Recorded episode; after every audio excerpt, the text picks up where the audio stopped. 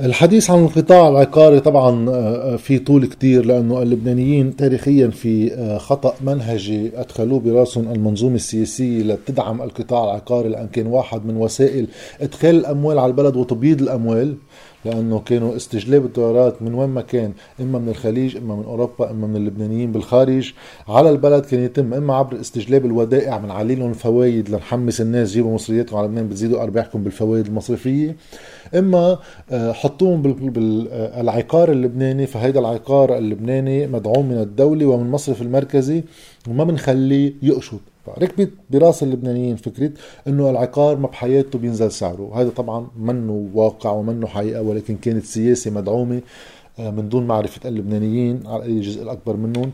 فكانت فعليا أسعار العقارات عم ترتفع أيام لأسباب داخلية أيام لأسباب خارجية ما رح فوت بهذا الشيء.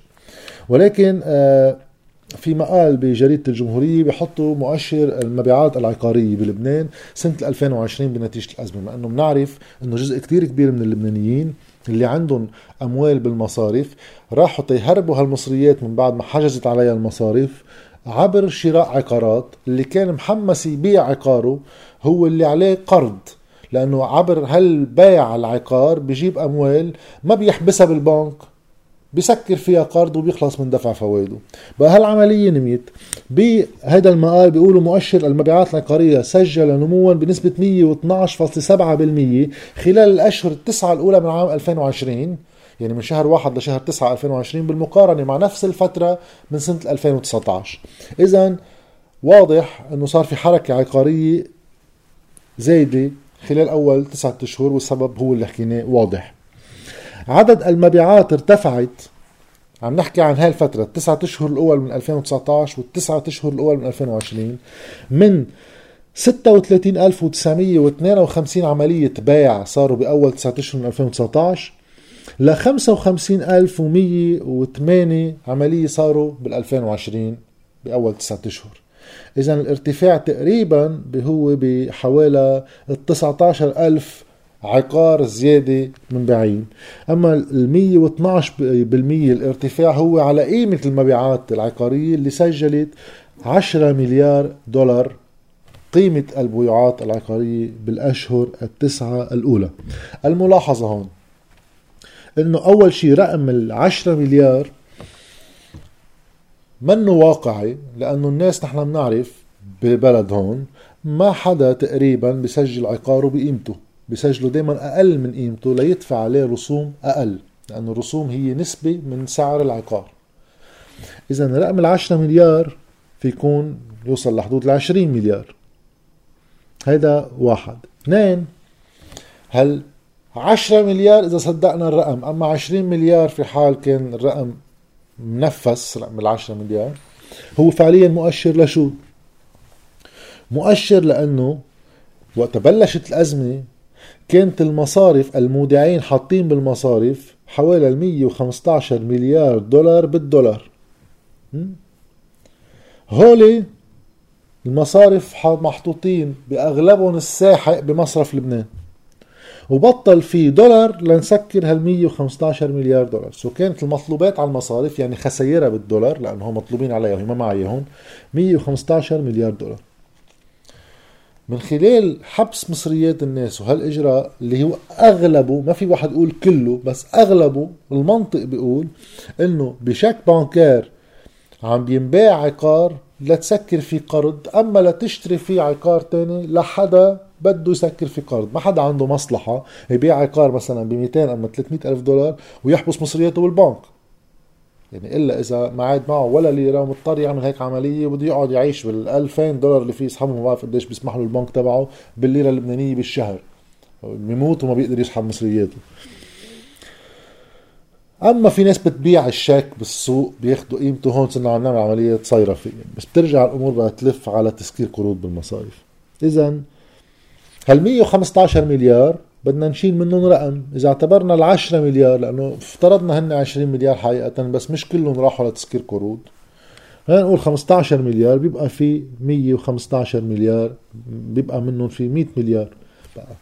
هاي هي الطريقة اللي بتصير تنزل فيهم خسائر المصارف غير صحوبات الناس اللي بتسحب دولاراتها بالشهر على 3800 تنزل بعد ال 100 مليار أكثر غير التحويلات بوقت كانوا حابسين مصريات الناس التحويلات اللي كانوا عم يعملوها لكبار النافذين والمتمولين بالبلد اللي حولوا مصرياتهم لبرا. بقى هيدا الرقم هلأ تحويل لبرا هو خسارة على المصرف. يعني أخي شو بدي أمن دولارات بس هيدا الدولارات الباقية بتكون هي خدمة. بس بيع العقارات وسحب الأموال على 3900 هو فعليا تصغير الخسائر تبع المصرف بقبول الناس لشطب جزء من أموالها رضائيا. بقى هون بيكون يعني إذا بنكمل هيك شي سنة بتزبط معه إبراهيم كنعان ولجنة مال والموازنه اللي بدها تعمل صوت للمصارف على حجم خسائرها باللجنة اللي عملوها. قالوا لا خسائر المصارف مش هالقد هي هالقد لما يحملوها كلفة الخسائر كما يجب. بقى إذا بنكمل هيك بال تضييع الوقت والنقاش مع صندوق النقد وبعتها على لجنة المال والموازنة وحولها للحكومة وغيرت الحكومة هلأ. بده يرجع سعد الحريري بخطة جديدة. إيه؟ هالعمليات بتكمل وبتخفض الخسائر تبع المصارف من حسابنا وبصير المجتمع مش قادر تعمل فيه ولا أي بنية اقتصادية لأن ما في أي قدرة شرائية أصلا طالما تبددت الأموال عبر قبول الناس بتحميلها إلى الخسارة بوقت الرأسماليين الكبار ما بيتحملوا أي شيء من الخسارة والجزء المهم منهم الحرزان أصلا بيحولوا له مصرياته لبرات البلد. من ناس بقلب هيدي اللجنة النيابية لناس رأسماليين كبار عظيم. بكرة هول رأسماليين كبار بيجوا بيشتروا البلد بالرخص لأنه مصرياتهم برا صارت قيمتهم أكبر نسبة لوين صارت الأسعار هون. هيدا بالشق ال macro السياسي. ولكن شو معناتها على القطاع العقاري؟ هل رح يبقى القطاع العقاري آه، شغال على موضوع الشيك bancaire القروض الشيكات المصرفية آه، وبهالنسب أما لا المنطق بيقول إنه أكيد لا. ولكن المنطق بيقول إنه اليوم ما في سوق عقاري. في أسواق عقارية بلبنان لأنه كل حالة بحالتها ما في سعر للعقار بلبنان. لا صاحب الأرض اللي ما عنده قرض بالبنك بطل يهمه ابدا الشيك المصرفي. طبيعة الحال. لأنه شو بدي آخذ مصريات احبسهم بالبنك شو بدي شغلة؟ صار مستعد يبيع. إذا مستعد يبيع مقابل دولارات حقيقية الكاش. هذا الكاش صعوبة توفره بتأدي إنه الطلب على العقار يقل. بهيدي الشروط. أما في ناس بعد عليها لليوم قروض بالمصرف.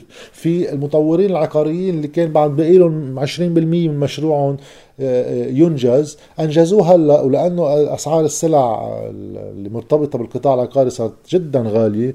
آه، عليهم قروض بدهم يسكروا جزء منها. بقى رح يبقى في شخص مستعد ياخذ شيك bancaire رح يبقى في شخص منه مستعد ياخذ شيك bancaire اليوم. نحن بمرحلة انتقالية. ولكن التوجه هو إنه من هلا لهيدي السنة اللي جاية مفروض. الشيك bancaire تدريجيا بدها تبلش قيمته تنخفض لمحل تزول تقريبا لأنه بطل حدا مستعد يحبس دولارات غيره عنده بحسابه بشيك bancaire. فبتزيد قيمة الكاش. هيدي العملية المفروض تصير بالشيء التدريجي اللي بلشنا نشوفه اليوم. الناس مستعدة تبيع عقاراتها ب 90% بشيك bancaire و10% كاش. هيدا الرقم ال 10% رح يصير يزيد. رح يصير 80% شيك bancaire بس بدنا 20% كاش. رح يصير يزيد 30 40 ليوصل لرقم يبطل قيمة الشيك bancaire إلى أي قيمة. فبصير المطلوب كاش وإلا ما في بيع.